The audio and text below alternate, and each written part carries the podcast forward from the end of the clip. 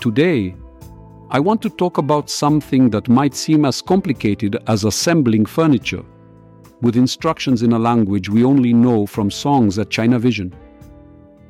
I'm talking about the well being of our own self. Have you ever thought that in the search for oneself, one can get lost even more than in a vast supermarket parking lot? That's exactly what I'm going to discuss now.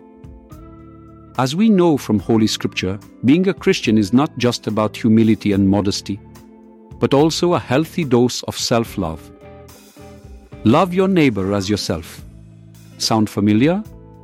But how can we love others if, in the mirror, we see someone who, at best, deserves the title of Star of the Month on a service named Daily Self Criticism? Let's start by accepting one fundamental truth God is not the creator of death. It's a bit like with family. We have masterpieces and those who are works in progress. But we love them all the same and unconditionally. And indeed, as Psalm 139 says, we are fearfully and wonderfully made. This means that each of us has something of a little Michelangelo in us. Except instead of painting the Last Judgment, we can create wonderful, innovative toys. Remember those who have buried their talents under the guise of piety. My friend, oh, who gave up football, fearing that mastering it would distance him from God.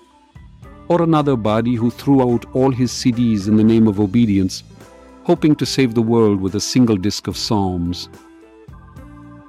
Now to the crux of the matter.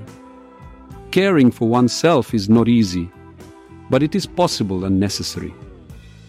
To serve others, we must first be able to serve ourselves, and not just in the one another version, but also the one self version. Isn't it then better to combine our earthly interests with our spiritual life?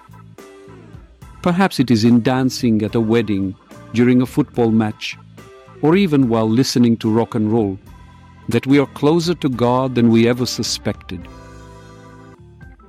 Maybe it is there, among conversations over coffee, walks in the park, or working in the garden, that we find and nurture what is divine and human within us.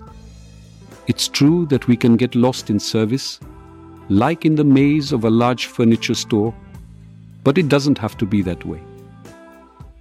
God did not create us to live in constant resignation and sacrifice. He wants us to be happy and rested, not exhausted and bitter. Let's ask ourselves Does our service reflect our love for ourselves and God? Or is it a means of escaping from our own self? Can we find time for ourselves so that our self is like a Swedish buffet? Diverse, full of colors, and inviting to a life of abundance? Let our search for identity be like good homemade cake made with love, patience, and a bit of something that makes life tasty. And remember, God does not demand us to be dead saints on an altar.